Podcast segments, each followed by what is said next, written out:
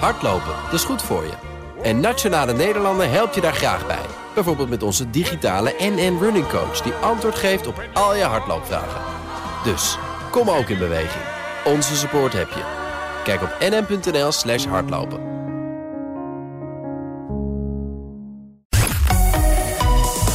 BNR Nieuwsradio. The Big Five. Diana Matroos. Deze week de Big Five van de informateurs. Want informateur Herman Cenk Willink zou deze week eigenlijk met zijn eindverslag moeten komen. Maar ook nu is het proces weer hard verstoord. De zoveelste rel in politiek Den Haag is een feit. Het lekken van de ministerraad notulen. En ik wil heel graag deze week weten hoe oud-informateurs naar dit schouwspel in Den Haag kijken. En vooral ook wat zij met al hun ervaring adviseren. En daarom praat ik elke dag met een politiek kopstuk die ook informateur is geweest in het verleden. En vandaag is dat VVD-prominent Henk Kamp. Hij was in totaal vier keer minister. In 2012 was hij ook verkenner, later informateur. Dat deed hij samen met Wouter Bos. En in 2017 heeft hij de politiek verlaten. Nu is hij onder andere voorzitter van de brancheorganisatie in de ouderenzorg Actis. Van harte welkom, meneer Kamp. Uh, menig burger denkt: het is crisis. Wat zijn ze allemaal aan het doen in politiek Den Haag? Heeft u datzelfde gevoel? Ja, natuurlijk. Het is inmiddels bijna zes weken geleden dat de verkiezingen zijn geweest. En toen is er gezegd van nou, het is crisistijd, we moeten een herstelplan hebben, zo snel mogelijk na de verkiezingen aan de slag. En we hebben een effectief kabinet nodig uh, met, een, uh, met, met een korte informatieperiode en een compact regeerakkoord. Nou, nu zijn we zes weken verder en er is nog helemaal niks bereikt. Er is wantrouwen tussen de politieke leiders die uiteindelijk toch met elkaar zullen moeten uh, samenwerken. Um, er is nog steeds geen spoor van een herstelplan. Er zijn moties aangenomen, een motie van wantrouwen. Net niet aangenomen, een motie van afkeuring wel. Degene die de grootste is na de verkiezingen en die al tien jaar premier is, die wordt al, al wekenlang uh, voortdurend beschadigd. Dus ik denk dat we slechte weken achter de rug hebben en dat we weinig opgeschoten zijn. Ja, wat, wat, wat vindt u naar de houding uh, richting uh, Rutte? Gaat het te ver? Ja, ik denk dat je moet realiseren dat Rutte een hele integere en sobere man is. Heel sociale man. Een man die de afgelopen tien jaar druk bezig is geweest om, uh, om, om, tegenstellingen te overbruggen, om partijen bij elkaar te houden, om oplossingen te vinden voor uh, problemen. Ja, en als je ziet hoe die nu bejegend wordt, uh, ja, ik, kan me de, ik begrijp niet goed wat, wat het land daar nou mee opschiet. Om iemand waarvan we al tien jaar weten dat hij effectief is geweest en die er goed aan bijgedragen heeft dat er dat er ondanks de grote verdeeldheid, politieke verdeeldheid in ons land, dat er toch steeds een regering klaar stond om de problemen aan te pakken. Ja, ik vind die, die houding tegenover hem vind ik, uh, niet verdedigbaar die toeslagenaffaire is daar natuurlijk wel heel belangrijk in geweest. Want het speelt nu natuurlijk ook uh, met die notulen uh, van de ministerraad, hè, die vandaag uh, openbaar worden. als u nou kijkt naar al die problemen die u opsomt, u zegt: ik, ik snap het eigenlijk ook niet meer. Hè? U bent natuurlijk ook nu die burger met meer ja. afstand naar de politiek. Waar gaat het dan in de kern mis? Nou, in de kern gaat het volgens mij mis dat er gezegd wordt dat er Um, dat, er, dat er geen vertrouwen is in de overheid. En ik denk dat er alle reden is uh, voor vertrouwen in de overheid. Ik denk dat wij in een land uh, leven met heel veel checks en balances. We leven in een land waarin, um, waarin de politiek toch altijd, um, de politieke partijen de afgelopen jaren er toch steeds in geslaagd zijn om het met elkaar eens te worden en problemen aan te pakken. We leven bovendien in een land met een vrije, onafhankelijke pers die kan, kan, zeggen en schrijven uh, wat ze willen. En we leven in een land waar uiteindelijk uh, het parlement, de gekozen volksvertegenwoordigers, de dienst uitmaken. Dus ik denk dat we in een uh, land leven, in een politiek systeem, dat, uh, ja, waar, waar, we blij mee mogen zijn. Waar, waar het we... eigenlijk allemaal wel goed gaat. En hoe verklaart u dan dat alle hoge colleges van staat ook hun zorgen uiten over de, de rechtsstaat die niet meer sterk genoeg ervoor staat? De toeslagenaffaire, die hele rel die daar. of rel, ik bedoel, het is gewoon ongekend wat daar, ongekend onrecht, hè, heeft de commissie van Dam gezegd. Zeker, maar het is ook een heel complex land waar ontzettend veel dingen aan de hand zijn. Heel veel verschillende belangen. Waar de overheid moet proberen om daar toch effectief en efficiënt um, te opereren. En daar gaan natuurlijk mis.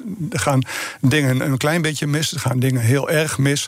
En bij die Belastingdienst is, is erg veel misgegaan. Als je uh, ziet waar dat begonnen is, dan is dat begonnen toen die dienst die uh, opgericht is en uh, 100 jaar bezig is geweest om geld binnen te halen. Hoe die dienst in één keer de opdracht kreeg om geld uit te geven. Die Moest niet alleen maar belastinggeld binnenhalen, maar ook toeslaggeld uitgeven. En ik denk dat dat wezensvreemd was voor die Belastingdienst. En vervolgens zijn daar dingen misgegaan. Er zijn ehm, mensen met de verkeerde instelling op belangrijke plekken terechtgekomen. Het, was, de, het, het, het, was ook vaak bedoeld om te zorgen dat, dat de politici konden overleven ten koste van ehm, het, het goed functioneren van die dienst zoals het eigenlijk zou moeten.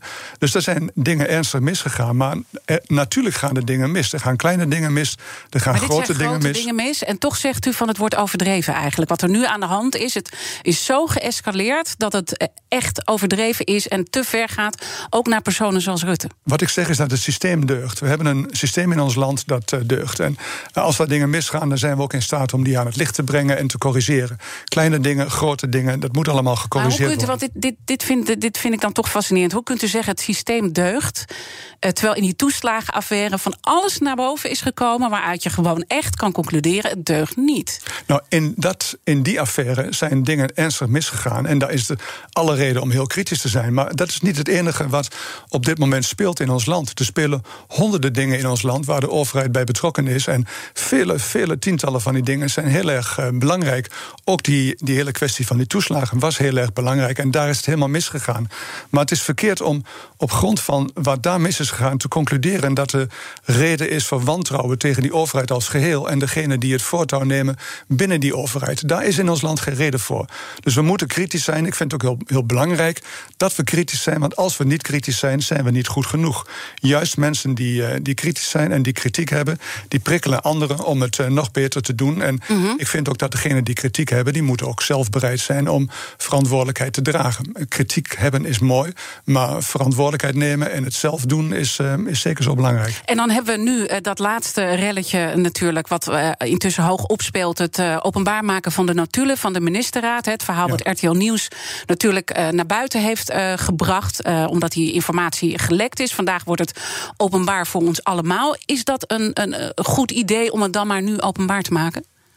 Nou, kijk, we, we, denken in ons land, met die, wat ik zei, vrije pers, met al die politieke partijen, we denken vaak heel verschillend over onderwerpen. En toch is het nodig dat de overheid standpunten inneemt, dat er besluiten genomen worden en dat die besluiten ook uitgevoerd worden. En om besluiten te kunnen nemen, moet je naar elkaar toe groeien. Je moet bereid zijn naar elkaar te luisteren. Je moet bereid zijn je ongelijk toe te geven. Je moet bereid zijn compromissen te sluiten. En dat hele proces, dat kan niet op straat eh, onder de camera's en onder de, onder de microfoons en onder de pennen van de mensen van de schrijvende pers plaatsvinden. Dat moet, ja, dat moet, je moet naar elkaar toe groeien. Je moet, um, dus je, vindt het niet een goed idee dat die notulen van de ministerraad die met de toeslagenaffaire te maken hebben, dat gaat natuurlijk om het verleden, nu niet om het formatieproces nu, het heeft daar wel zijn effect. U vindt het niet een goed idee dat het openbaar wordt gemaakt? Nee, ik vind dat, um, dat men in de politiek naar elkaar toe moet kunnen groeien en dat dat niet uh, zich verdraagt met volstrekte transparantie, volstrekte openbaarheid. Dus ik denk dat waar in de ministerraad um, vertrouwelijk met elkaar gesproken wordt en waar uiteindelijk met één mond uh, naar buiten getreden moet worden, dat moet je, die moet je de vertrouwelijkheid gunnen. En ook in de kabinetsinformatie, als de gesprekken plaatsvinden, eerst met verkenners en daarna met de informateur. En dat zijn vertrouwelijke gesprekken waarbij je moet bewegen. Je kunt alleen maar -hmm. deel uitmaken van de regering als je bereid bent tot compromissen en bereid bent om te bewegen. En dat het demissionair kabinet dat het dus nu wel uh, doet, hè, want ze worden openbaar vandaag, is dat een, een, een knieval en waarom doen ze dat dan? Ja, ze zeggen dat het een uitzondering is. En um, ja, we, we, hebben nu gezien, de eerste uitzondering is al gemaakt... doordat de vertrouwelijke verslagen van de gesprekken met de verkenners... dat die openbaar zijn gemaakt, vond ik een slechte zaak. Nu, de tweede keer, is het een slechte zaak... dat de notulen van de ministerraad uh, openbaar worden gemaakt... en daarmee worden precedenten geschapen. Het is heel moeilijk om de volgende keer te zeggen... van ja, toen hebben we het wel gedaan, maar nu doen we het niet. En daarmee krijg je dus een situatie dat mensen die aan een informatie meedoen... mensen die in het kabinet uh, spreken, dat die denken: ja, maar op ieder moment uh, kan dit in de openbaarheid komen. Dus ik moet daar toch rekening mee houden. En als je daar voortdurend rekening mee houdt, dan kom je uh, minder gemakkelijk of niet tot compromissen en tot het met elkaar eens worden. Dus uiteindelijk en effectief die, overheidsbestuur. Die roep om transparantie en waarom dit dus nu allemaal gebeurt, die knieval, dat gaat er uiteindelijk in uw optiek voor zorgen dat er juist minder transparantie komt. Ja, er moet heel veel transparantie natuurlijk zijn. En daarom is het zo dat um, het kabinet in of dat de Tweede Kamer in openbaarheid vergadert, natuurlijk. En daarom is het zo dat in de openbaarheid door de ministers en de minister-president voortdurend verantwoording afgelegd wordt in de Tweede Kamer. Daarom wordt ook, ehm, ook gecommuniceerd met de pers, waarbij steeds geprobeerd wordt om die pers zo volledig mogelijk te informeren. En dat is allemaal prima. Maar daarnaast heb je ook op belangrijke punten in een informatie en in het kabinet heb je ook vertrouwelijkheid nodig om tegenstellingen te kunnen overbruggen. En dus uh, zegt u dat het nu uh, voor de tweede keer gebeurt. Daarmee schep je een president. Dan kan je eigenlijk daar uh, volgende keer ook niet onderuit. En dan heeft dat natuurlijk effect voor hoe mensen zich gaan gedragen, lijkt mij. Want dan ga je niet meer alles in alle openheid aan zo'n vergadertafel zeggen. Ja, en je komt uiteindelijk dan niet tot compromissen die wel, waar je wel toe moet komen. Kijk, je zit met vier, vijf partijen in een kabinet. En iedereen heeft daar zo zijn eigen belangrijke dingen en wil zijn eigen punten maken. Maar ja, uiteindelijk aan het eind van de vergadering moeten de besluiten zijn genomen. En moet je met één mond naar buiten optreden. En dat kan alleen maar als je elkaar kunt vinden. En dat is een lastig proces waar ruimte voor is doen ze het dan? Ja, onder druk. Uh, onder druk van de Kamer, onder druk van de media, onder druk van de publieke opinie. En ik begrijp het wel. Maar je schept een president. Er is een, een president geschapen in de verkenning. Toen daar de verslagen, de vertrouwelijke verslagen naar buiten kwamen.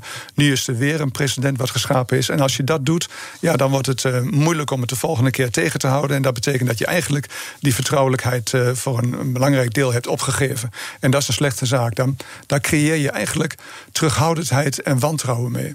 En, en dus ook misschien wel uh, ja, verkeerd gedrag. Want dan wordt, wordt het nog geheimzinniger allemaal. Ja, dat is natuurlijk ook nog iets wat zich af gaat spelen. Kijk, als, het toch nodig is, en het is gewoon nodig om iedere week in de ministerraad bij elkaar te komen. Maar dat kan niet in de vergadering plaatsvinden, want dan worden, daar worden verslagen van gemaakt. Ja, in de lunchpauze zit je naast, naast elkaar. Je kunt uh, voor de vergadering bij elkaar gaan zitten. Je kunt elkaar van tevoren bellen en dingen gaan bespreken. Maar ja, daar wordt het alleen maar ingewikkelder en, en minder transparant van. Daar schiet niemand iets mee op. In die ministerraad is het toch zo dat het uh, uh, vastgelegd wordt en dat deze dat aan de openbaarheid eh, wordt blootgegeven. The Big Five. Diana Matroos. Deze week spreek ik elke dag met een politiek kopstuk over de kabinetsformatie. Later deze week ontvang ik bijvoorbeeld nog Jacques Wallage. Hij was informateur in 2010. Mijn gast vandaag is VVD-prominent Henk Kamp. Bij de kabinetsformatie in 2012 was hij verkenner en informateur. En hij was natuurlijk ook vier keer minister. Dus hij weet heel goed hoe de zaken lopen. Vandaag, zoals gezegd, worden die notulen openbaar gemaakt. Maar nu is er intussen een roep om de P-notulen. Een heleboel uh, Kamerleden en ook uh, fractieleiders wisten niet eens wat de P-notulen waren. U als minister weet dat natuurlijk wel. Nou, ik moet zeggen dat ik um, misschien minder aandacht aan die notulen heb besteed in die twaalf jaar dat ik minister was, dan, um, dan ideaal zou zijn. Maar je moet zich voorstellen, vlak voor zo'n ministerraadvergadering, dan krijg je alle stukken. En daar zitten ook de notulen bij van de vorige keer. Ja, en dan kun je veel tijd aan die notulen besteden om te kijken of het er allemaal precies zo staat zoals jij denkt dat het moet staan. Maar eh, het is s'avonds laat, de volgende dag is die vergadering, alle stukken moeten gelezen worden. Dus ik heb nooit intensieve aandacht aan die notulen eh, besteed. Uh, maar goed, de bedoeling van die notulen is dat er uh, vastgelegd wordt uh, hoe de beraadslaging heeft plaatsgevonden, zodat daar duidelijkheid over is. Oh ja. en, en maar dat, dat u er niet zoveel tijd aan besteed heeft, zou u dat, stel dat u er nu zou zitten, zou u dat wel doen? Want ik bedoel, dat zou niet kunnen. Je, je, ja. Fysiek ben je daar niet toe in staat. Als je minister bent, dan, ehm, dan, dan, heb je heel erg veel te doen. Um, en je kunt op donderdagavond, vlak voor de ministerraadvergadering, kun je een uur uittrekken om die notulen goed door te gaan lopen. Maar dat uur kun je daar niet besteden om stukken te lezen. die de volgende dag behandeld worden. en waar je standpunten over in moet nemen. Dus ja, ik denk dat je ook wat aan anderen over moet laten. En dat betekent uh, bekwame mensen die maken die notulen, die leggen dat vast. Mm -hmm. Daarmee is de duidelijkheid. En kan okay, ook voor de lange termijn, voor de geschiedenis uh, na 25 jaar, uh, dat ook. ja, want dat is officieel wanneer het dan wel openbaar mag worden, na ruim 20 jaar. En dat is nu uniek dat dat vandaag dan gebeurt. Ja, het is 25 jaar, maar na 20 jaar mag het voor de wetenschap dan toegankelijk worden. Maar echt openbaar wordt het na 25 ja. jaar. Maar ik vroeg natuurlijk naar de P-notulen. En ja. dat zijn ander soort notulen. Want dat zijn, ik had er ook nog nooit van gehoord. Dat zijn persoonlijke aantekeningen die de ministers maken. En alleen onder de ministers worden verspreid, als ik het goed zeg. Nou, wat ik weet is dat er notulen gemaakt worden. En die notulen die ik ken, dat zijn notulen waarin staat wie wat gezegd heeft. Um, dat mag je wat mij betreft P-notulen noemen. Maar goed, ja, maar het is natuurlijk wel interessant wat er dan nu openbaar... want iedereen is een soort van blij in de Kamer... dat er nu uh, stukken openbaar worden gemaakt over die notulen. Maar als die P-notulen, waar natuurlijk uh, echte gevoelige kwesties in komen te staan... want dat heb ik erover begrepen, en waar ook het over personen gaat... Ik kan me voorstellen dat daar bijvoorbeeld ook over omzicht is gesproken. Dus dat we dat helemaal niet te horen krijgen vandaag. Nou, die notulen die ik ken, dat zijn de notulen waarbij gewoon met naam eh, vastgelegd wordt wie wat zegt in die ministerraad. En het is niet woordelijk. Kijk, als je in de ministerraad een betoog houdt van drie minuten, dan komt dat misschien in vier, vijf regels in die notulen eh, te staan. Dus het zijn altijd samenvattingen van iemand die goed geluisterd heeft en dat opschrijft. Maar die notulen. Maar denkt u dan dat er iets heel bijzonders aan het licht? Uh, want Rutte heeft natuurlijk gezegd niks onoorbaars, maar uh, het is wel brisant. Wat denkt u dan dat er gaat gebeuren? Ik heb geen idee. Het was in 2019, ik was in 2017. 2017 eh, uit het kabinet. Dus ik weet niet wat er in 2019 besproken is. Maar ik weet wel dat het, het altijd zo is dat je, je begint in de ministerraad aan een agendapunt en daar wordt verschillend over gedacht. Dus daar praat je met elkaar uh, over. En je praat ook over de omgeving waarin besluiten genomen moeten worden, besluiten uitgevoerd moeten worden. Je praat er ook over als iemand het lastig heeft gehad in de Kamer. Van ja, hoe is het gegaan? Je denkt met elkaar uh, mee. Dus het is een, een club van mensen die bereid is om goed met elkaar samen te werken, aandacht heeft voor elkaar. Ja, en in die gedachtenwisseling kunnen er allerlei dingen opgeschreven, allerlei dingen gezegd worden en opgeschreven geschreven worden. Ja, en als dat op straat uh, gegooid wordt, dan, uh, ja, dan, dan ik, ik, ik denk dat dat niet goed is. Maar bovendien uh, weet ik niet of je daar dan ook helemaal recht doet aan de sfeer en aan het besprokene in zo'n ministerraad. Ik weet het niet. Dus Omdat ik zal, het echt een samenvatting is en je dus nooit het totale verhaal uh, daarmee hoort. Het is natuurlijk ook gewoon een misdrijf. Dat ze gelekt zijn. Ja, nou dat lekken dat is iets waar uh, wat, wat, wat een, een, ziekte is in Den Haag natuurlijk. Hè. Lekken is, is idioot. Als je iets wilt naar buiten wilt brengen. Je zit in de politiek, je bent eh, bewindspersoon of je bent ambtenaar. En je wilt iets naar buiten brengen, dan heb je daar gewoon je kanalen voor. En dan moet je dat ook, ook op je eigen naam zelf in de openbaarheid durven te doen. Maar iets naar buiten willen brengen, maar het niet, eh, er niet zelf aan gekoppeld willen worden, ik vind het stiekem eh, gedoe. En dat stiekem gedoe, dat, ehm, dat maakt de naam van de politiek niet beter. En dat maakt ook de betrouwbaarheid van de politiek niet beter. Ehm, het komt ook de, de echte transparantie niet ten goede. Het is een soort dwaalweg voor de transparantie. En zou dan uh, toch zouden we meer onze aandacht daaraan moeten schenken dat uh, iemand dit dus dan gedaan heeft en dat misschien wel de Rijksrecherche hier onderzoek uh, naar moet doen in plaats van dat we het de hele tijd hebben over de rel aan zich. Ja, nou weet je, de Rijksrecherche wordt iedere keer opgezet als er gelekt wordt. en bij uitzondering komt daar eens een keer iets uit. Dus ja, hier kunnen ze ook de Rijksrecherche opzetten.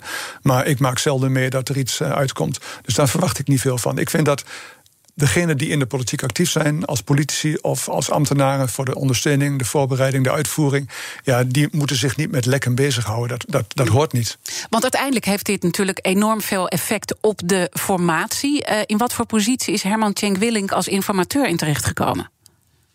Nou, Herman Tjenk, Willink heeft een opdracht gekregen voor uh, drie weken. En hij heeft daar vorige week al een stuk over geschreven... waarbij hij aan heeft gegeven uh, hoe het volgens hem nu verder moet... Uh, in de volgende fase van de informatie. Ik denk dat hij in staat is om dat af te ronden. Hij zou het morgen moeten afronden. Ik verwacht niet dat hij dat doet. Ik denk dat hij het wat uitrekt... en dat het uiteindelijk volgende week maandag... of misschien in het weekend zijn eindverslag er zal zijn. Ik denk dat volgende week dinsdag de Kamer dan zal vergaderen over dat eindverslag... en dat er dan een, ehm, een, nieuwe informateur komt... of wat in theorie ook mogelijk is... dat uh, Tjenk Willink een tweede informatieopdracht krijgt. Uiteindelijk uh, is dit, even los van of het nou volgende week wordt... dit is natuurlijk gewoon verschrikkelijk voor, dat, voor zijn opdracht. Ik bedoel, hij moest het vertrouwen eh, herstellen. En nu komen deze notulen naar buiten. Uh, donderdag natuurlijk het, het uh, debat, zoals u ook al aangeeft. Dit gaat natuurlijk enorm opgerekt worden, deze hele rail. Wat voor effect gaat dit nu hebben voor het vertrouwen en voor zijn opdracht?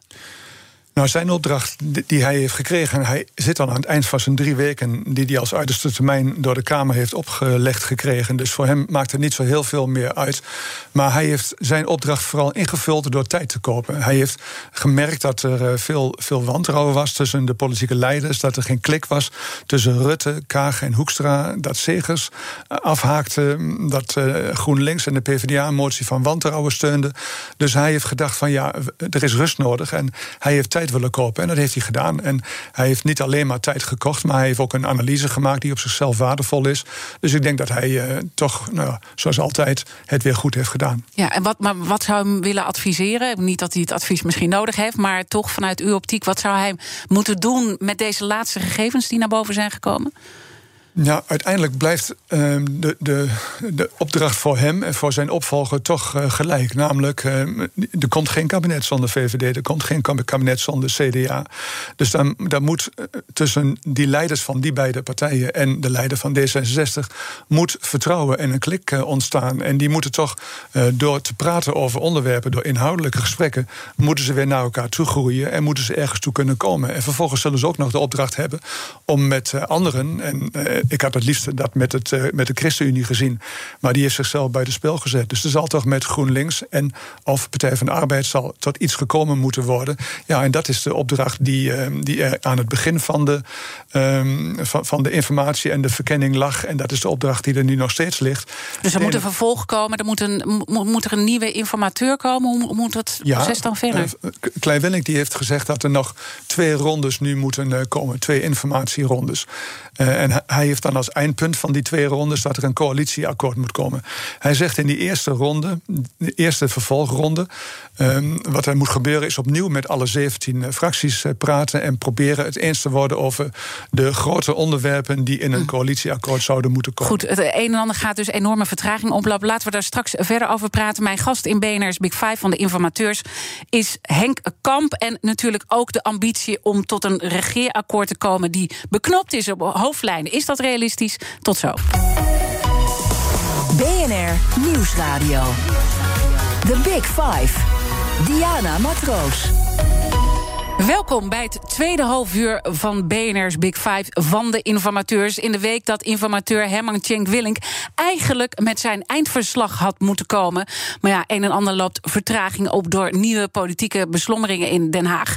En daar praat ik deze week over met politieke kopstukken. Later deze week uh, Uri Roosentaal bijvoorbeeld en Klaas de Vries. Mijn gast vandaag is VVD'er Henk Kamp. Hij was informateur en verkenner in 2012 en bekleedde in zijn politieke carrière vier verschillende ministersposten. Uh, meneer Kampen waren net eigenlijk op het punt gekomen dat we zitten. Wat, wat voor effect heeft dit nu voor het werk van Herman Tjenk Willink? In ieder geval loopt een en ander vertraging op. Wat, wat, wat is de volgende cruciale stap waar hij nu naartoe moet werken? Nou, Herman Tjenk Willink heeft vorige week een notitie geschreven naar alle fractievoorzitters gestuurd. En daar heeft hij aangegeven hoe volgens hem uh, het vervolg in de informatie zou moeten zijn. En hij zegt: je moet dan uiteindelijk uitkomen bij een, uh, een coalitieakkoord op hoofdlijnen. En dat coalitieakkoord op hoofdlijnen, dat moet dan later door het kabinet uitgewerkt worden in een uh, regeerprogramma. Dat is zijn lijn. En hij heeft gezegd, er moeten nu twee stappen gezet worden. De eerste stap is dat er weer met alle fractievoorzitters in de Tweede Kamer gepraat wordt en gekeken wordt welke onderwerpen er nu in zo'n coalitieakkoord zouden moeten komen. Maar we hebben al een hele lijst voorbij zien komen natuurlijk. Ja, hij heeft, hij heeft zelf al een hele lijst uh, aangegeven. Hij, hij spreekt over de tegenstellingen op de arbeidsmarkt, kansenongelijkheid in het onderwijs, klimaatmaatregelen, migratie het functioneren van de overheid, versterking van de democratische rechtsorde.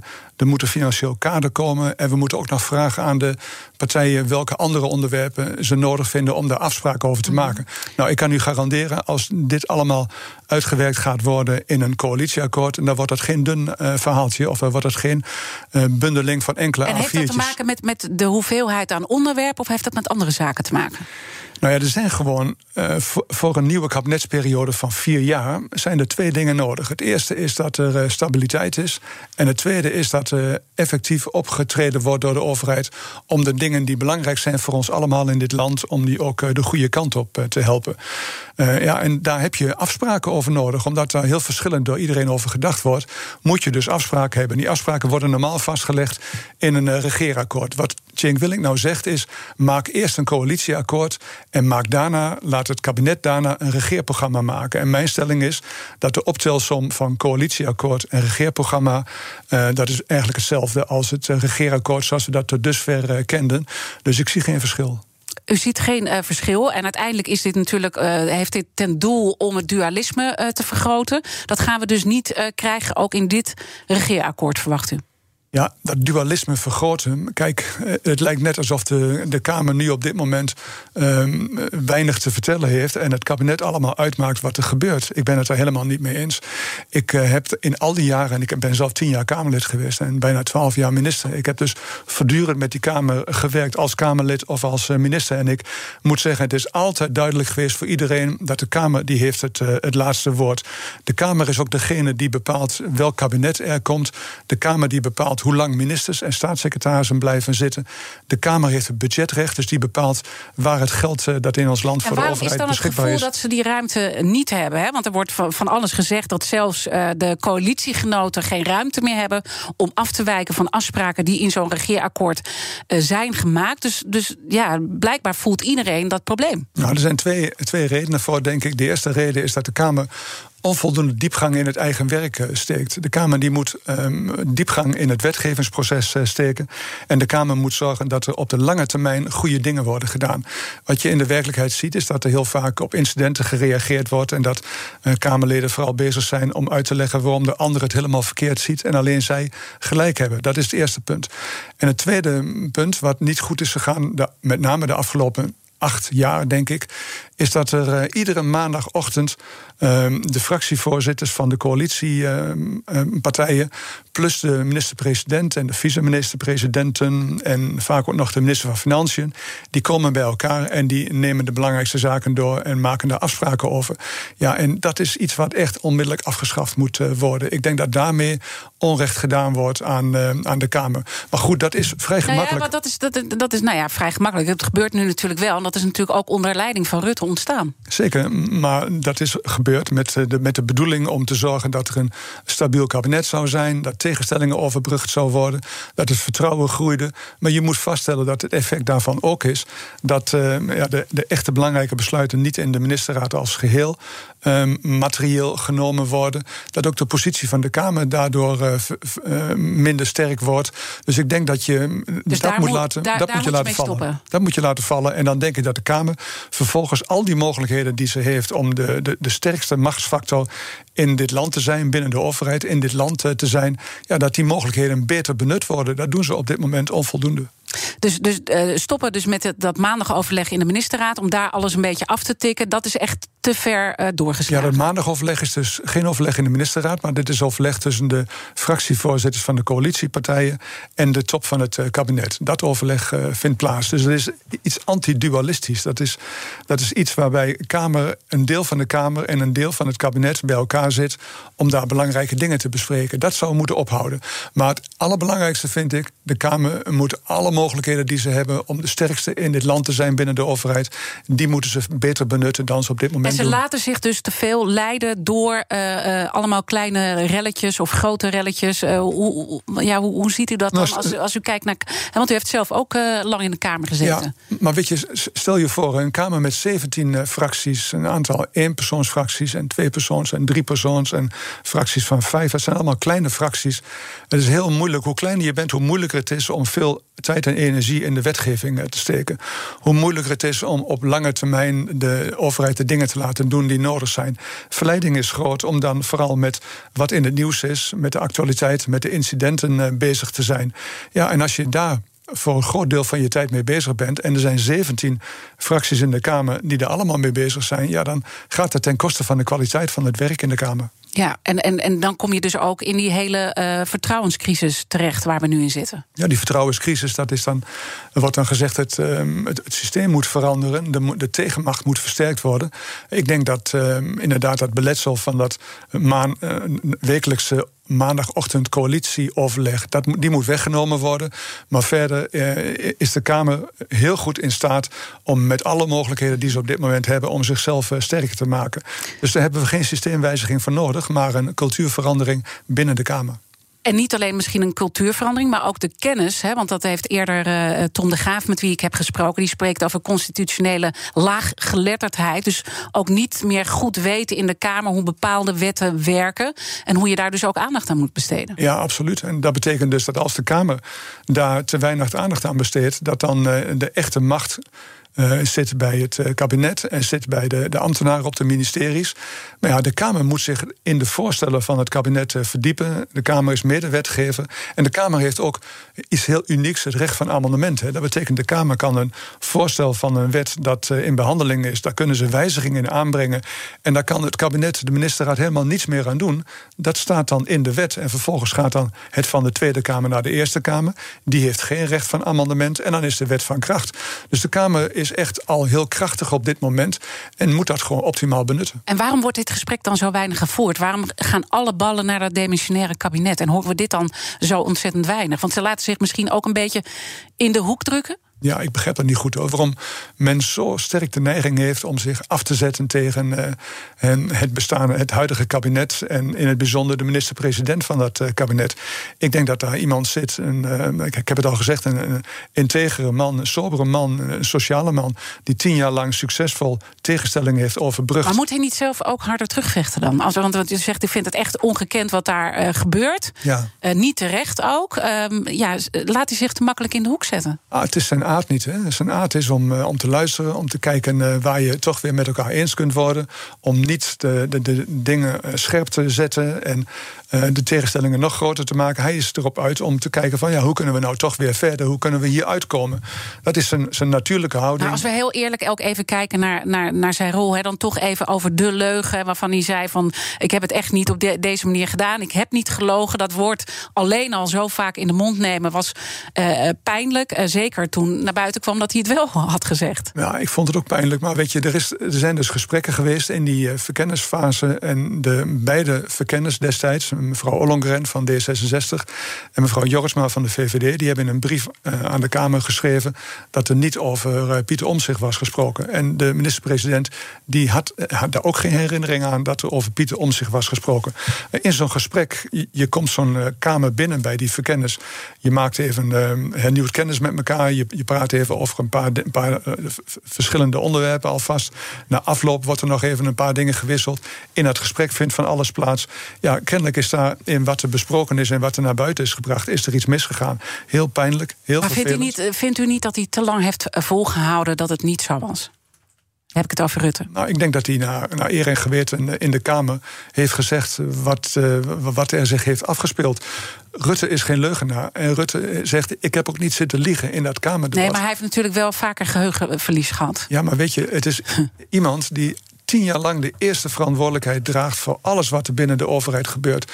Die man die staat onder ongekende druk voor wat er in Nederland gebeurt, voor wat Nederland in, in, in het buitenland, in Europa en daarbuiten moet doen.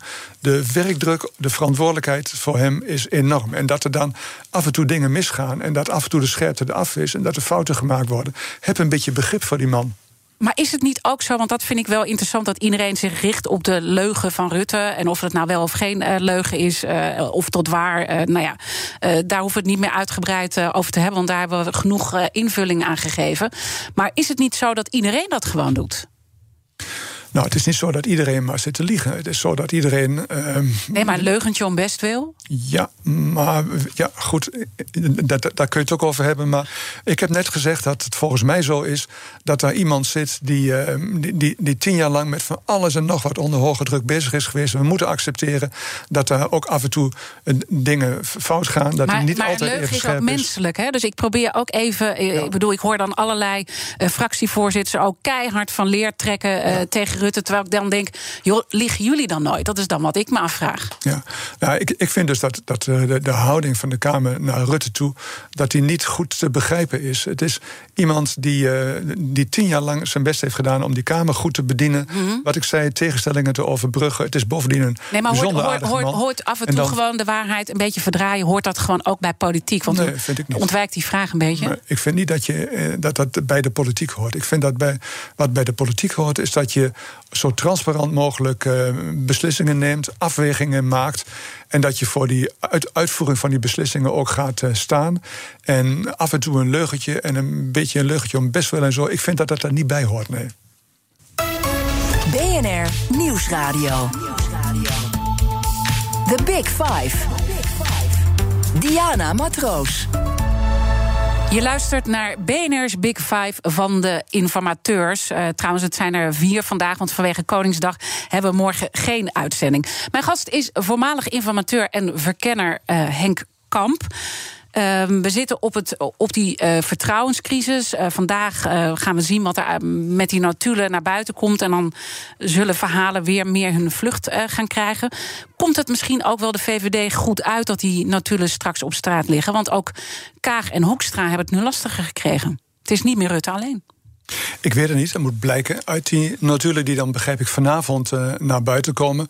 Maar ja, weet je, uh, als je in de ministerraad uh, zit, je bent minister of je bent minister-president, dan moet je niet kijken wat voor de VVD goed uitkomt, of voor D66 of voor, voor, voor, een andere partij. Je zit daar omdat je aan de top van de overheid verantwoordelijkheid draagt voor een heleboel dingen die voor alle mensen in Nederland van groot belang zijn. En dat moet je op een integere manier zo goed mogelijk doen. En daar heb je hard voor te werken en goed met elkaar samen te werken. En ja, wat voor, wat voor de VVD of voor D66 wel of niet goed uitkomt. Nou, Kaag heeft het natuurlijk wel moeilijker gekregen. Die heeft het heel erg over nieuw leiderschap. En die blijkt nu toch bij ook die vergadering te hebben gezeten... waarvan ze eerst dacht dat ze er niet bij zat. Dus datzelfde geheugenverlies speelt daar ook een rol. Ja, maar als zij het moeilijk zou krijgen... dan moet dat komen om, uh, vanwege de omstandigheden. Maar dan niet, moet dat niet komen omdat een ander denkt van... nou, het komt mij wel goed uit dat het mevrouw Kaag uh, lastig gemaakt wordt... of ik ga maar eens even lekker om iets op gang te brengen. Ja, dat past niet bij die, bij die functie. Ik denk dat die mensen die in het kabinet zitten... die dragen grote verantwoordelijkheid en die moeten zich voorbeeldig gedragen. Als we dan kijken hoe we dat vertrouwen nu moeten herstellen. Hè? U heeft vaak uh, natuurlijk ook emotionele processen, kan ik me voorstellen, meegemaakt in uw politieke carrière. Hoe kan je vanuit zo'n dieptepunt weer vooruit? Ja, het allerbelangrijkste is dat je normaal gaat uh, doen. Dat je uh, begrip hebt voor elkaar. Dat je je bewust bent van je verantwoordelijkheid. Dat je dus probeert samen onder ogen te zien wat de komende jaren voor de mensen in Nederland belangrijk is. Dat je kijkt van nou, wat denk jij erover, wat denk ik erover en waar kunnen we het over eens worden. Dat je er afspraken over maakt. Dat je zorgt dat die afspraken uitgevoerd worden. Dat moet gebeuren.